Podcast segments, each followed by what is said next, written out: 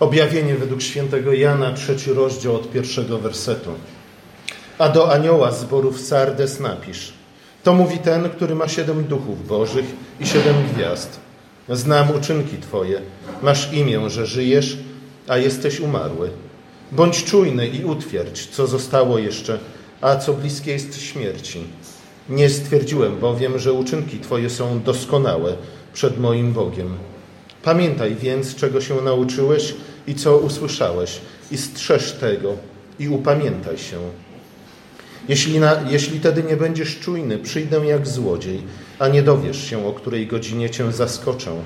Lecz masz w Sardes kilka osób, które nie skalały swoich szat, więc chodzić będą ze mną w szatach białych, dlatego że są godni. Zwycięzca zostanie przyobleczony w szaty białe i nie wymarzę imienia Jego z księgi żywota i wyznam imię Jego przed moim Ojcem i przed Jego aniołami. Kto ma uszy, niechaj słucha, co Duch mówi do zborów. Oto Słowo Boże.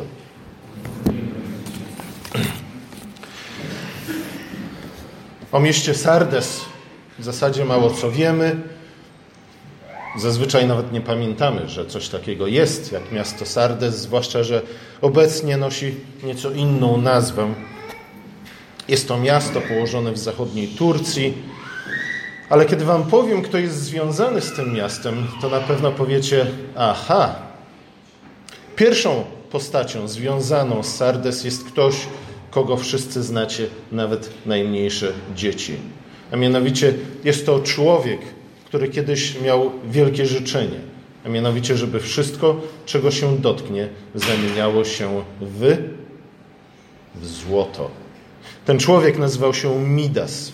Ale nie wiem, czy pamiętacie, w jaki sposób Midas stracił ten czar, który oczywiście okazał się być przekleństwem. Stracił go po tym, jak wykąpał się w rzece Paktol.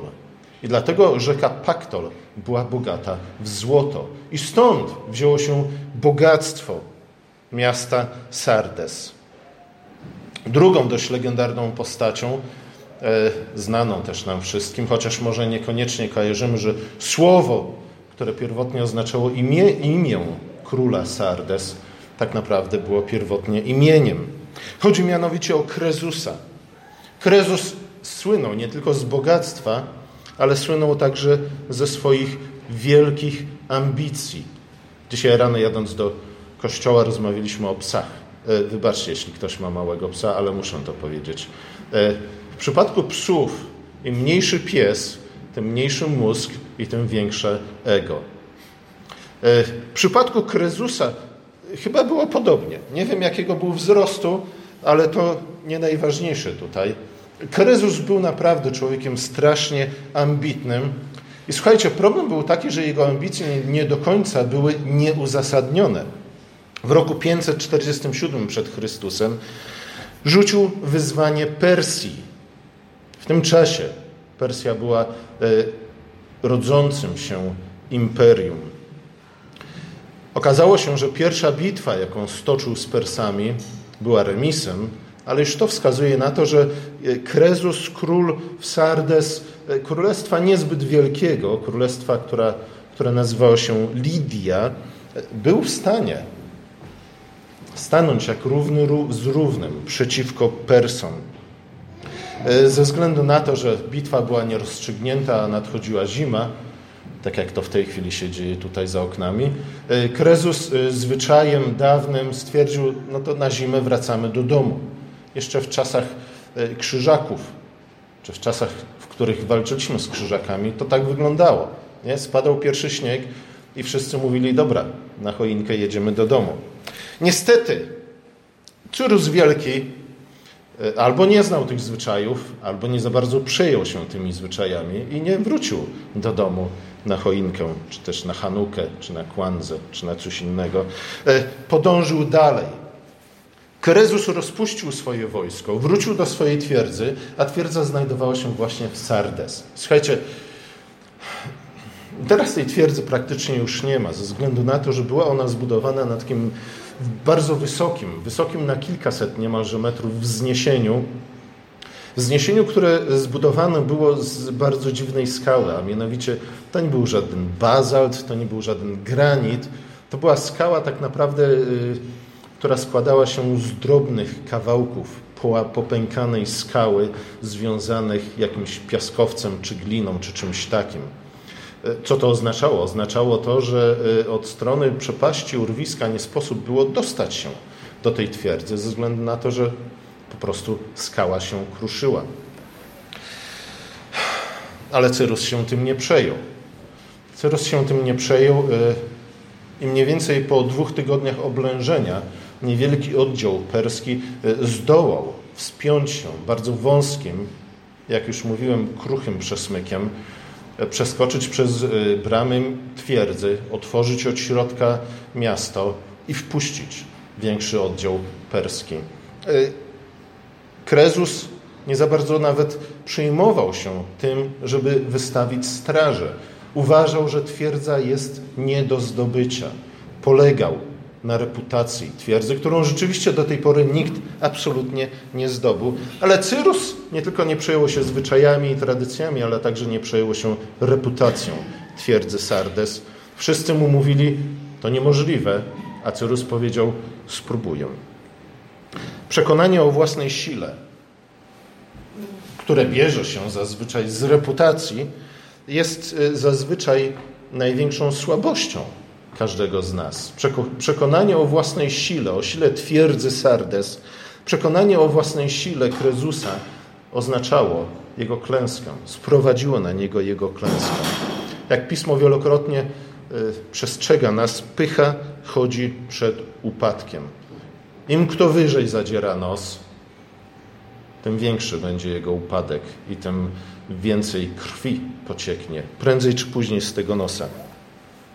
Miasto nie uległo całkowitemu zniszczeniu, ale już nigdy nie odzyskało dawnego blasku.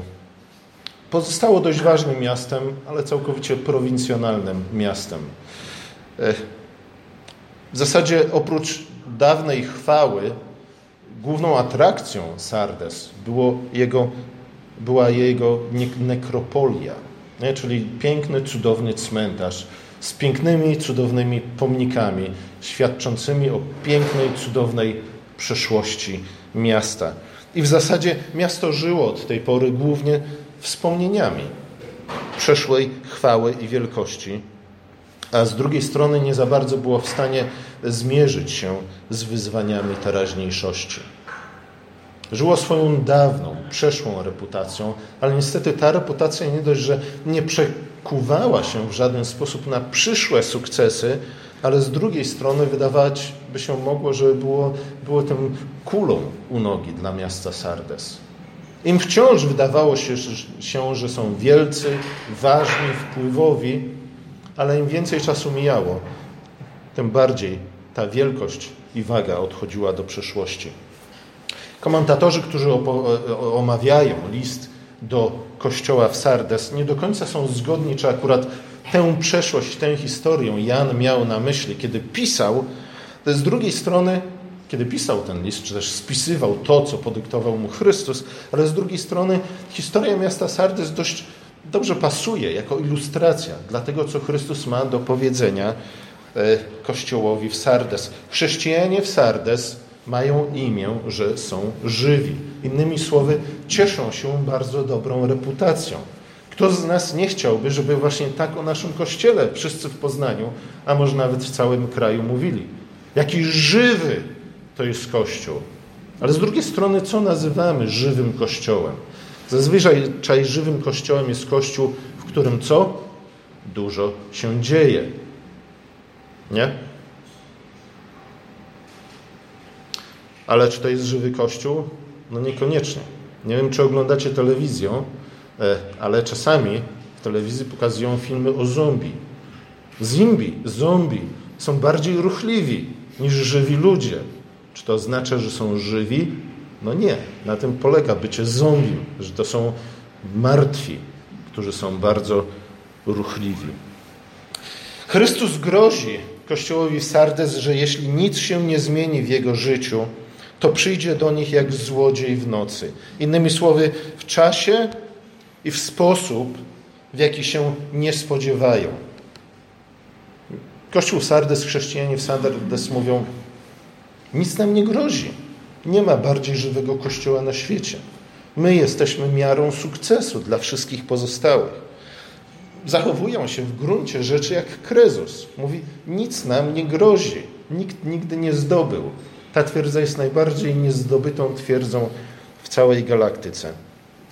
Ale Chrystus nie za bardzo przyjmuje się reputacją, jaką posiada Kościół w Sardes, tak jak Cyrus nie za bardzo przejął się reputacją twierdzy w Sardes. Reputacja to jest opinia, jaką inni mają o nas, albo jaką my sami mamy o sobie. E, to, co ludzie sądzą o nas, albo to, co sami sądzimy o sobie. Jezus jednak stwierdza, że e, co prawda nie do końca należy e, nie liczyć się z reputacją, z tym, co inni o nas mówią. Paweł w jednym z listów mówi, że biskup czy też prezbiter powinien cieszyć się dobrą reputacją, nawet pośród ludzi spoza kościoła, ale z drugiej strony reputacja nie jest wszystkim. Reputacja czasami jest czymś, co nas całkowicie, kompletnie zaślepia na rzeczywistość. E, tak było w przypadku kościoła w Sardes. Jezus mówi, e, to, że wy sami o sobie tak dobrze myślicie, to, że inni nawet w mieście dobrze o was myślą, w tym przypadku nic nie znaczy. A w zasadzie znaczy bardzo wiele, nie? ale znaczy dokładnie coś odwrotnego niż można by sądzić z reputacji, jakiej się myślić, yy, cieszycie. Jezus mówi wprost i bez ceregieli: Masz imię, że żyjesz, ale jesteś martwy. Nie, nie ma dwóch bardziej yy, przeciwnych przeciwności czy przeciwieństw. Pozornie Kościół w Sardes nosi wszelkie cechy żywego Kościoła. Ludzie, kiedy patrzą na niego, mówią: Och, jaki żywy Kościół. W takim kościele to ja bym chętnie został członkiem, a nawet zaczął dawać dziesięcinę. Jednak pozory często mylą. Nie? I w tym przypadku jest dokładnie tak. Pozory nie mogłyby bardziej mylić niż w przypadku kościoła Sardes. Jezus w liście do Sardes nie wymienia, co prawda, żadnych konkretnych grzechów. Mówi dość ogólnie, że jego czyny są niedoskonałe. E, co to jednak znaczy? W przypadku innych listów zazwyczaj Jezus mówi o konkretnym albo grzechu, albo herezji, albo o prześladowaniach. Tutaj ten list jest chyba najbardziej ogólny z wszystkich siedmiu. Ale z drugiej strony pewne światło na to, co było problemem Kościoła w Sardes, jest wezwanie, jakie Jezus adresuje do Sardyjczyków. A mianowicie, aby przypomnieli sobie i strzegli to, co usłyszeli i co przyjęli. Innymi słowy, aby przypomnieli sobie Ewangelię, aby strzegli Słowo Boże. I może rzeczywiście w Sardes trudno mówić o jakimś jednym konkretnym, dominującym problemie. E, nie jest to coś, na co jesteśmy w stanie wskazać palcem, powiedzieć, to jest to, nie? To jest ten gościu, który jest problemem i powinniśmy się go pozbyć. Albo to jest ta herezja, którą powinniśmy z naszych szeregów wytrzebić. Albo to są ci, którzy nas prześladują, podpalają nasze domy, mordują nasze dzieci. Albo chcą, żebyśmy wyparli się Chrystusa. Nie ma nic taki, tak konkretnego. Taka sytuacja często jest najtrudniejszą do ogarnięcia. Jak zaadresować problem, którego nie dostrzegamy na pierwszy rzut oka. Może była to suma jakichś małych zaniedbań, ale źródłem tych problemów, jakikolwiek to nie byłby problem, było właśnie zaniedbanie tego, co najważniejsze w życiu Kościoła, a mianowicie Ewangelii o Chrystusie, a mianowicie Słowa Bożego. Jezus i Ewangelia przestały być treścią i przestały być sensem życia tego Kościoła. Stały się, wciąż były obecne w jego życiu, ale stały się tylko jednym z wielu e- elementów, być może tylko ozdobnikiem jakimś, ale na pewno nie były najważniejszym elementem. Nigdy nie zadawali sobie takiego pytania, co by Jezus zrobił w danej sytuacji, nie? albo co by Aslan zrobił w danej sytuacji. Czy to pasuje do Chrystusa, czy nie? Czy to podoba się Chrystusowi, czy nie? Jak Chrystus zachowałby się? Jezus wzywa więc chrześcijan Sardes do tego, aby przeegzaminowali swoje życie jeszcze raz Innymi słowy mówi, e, jesteście martwi, ale macie jeszcze szansę na pokutę i na nawrócenie. A nawrócenie polega przede wszystkim na powrocie do Ewangelii, ale znów, kiedy mówimy o powrocie do Ewangelii, to mówimy o powrocie do Słowa i to do całego Słowa. Słowo nie może być tylko kwiatkiem w klapie. Słowo musi być pochodnią dla naszych stóp. Musi być przewodnikiem na naszych drogach. Dla Kościoła w Sardes być może pozostała jakaś jeszcze nadzieja nawrócenia, ponieważ pozostała w nim resztka wiernych. Tych, którzy nie splamili swoje szaty. O szatach wiele można by było mówić. Tu dwukrotnie czytamy o białych szatach, ale te szaty pojawiają się chyba prawie 20 razy w całej księdze objawienia i szaty zazwyczaj oznaczają zwycięzcę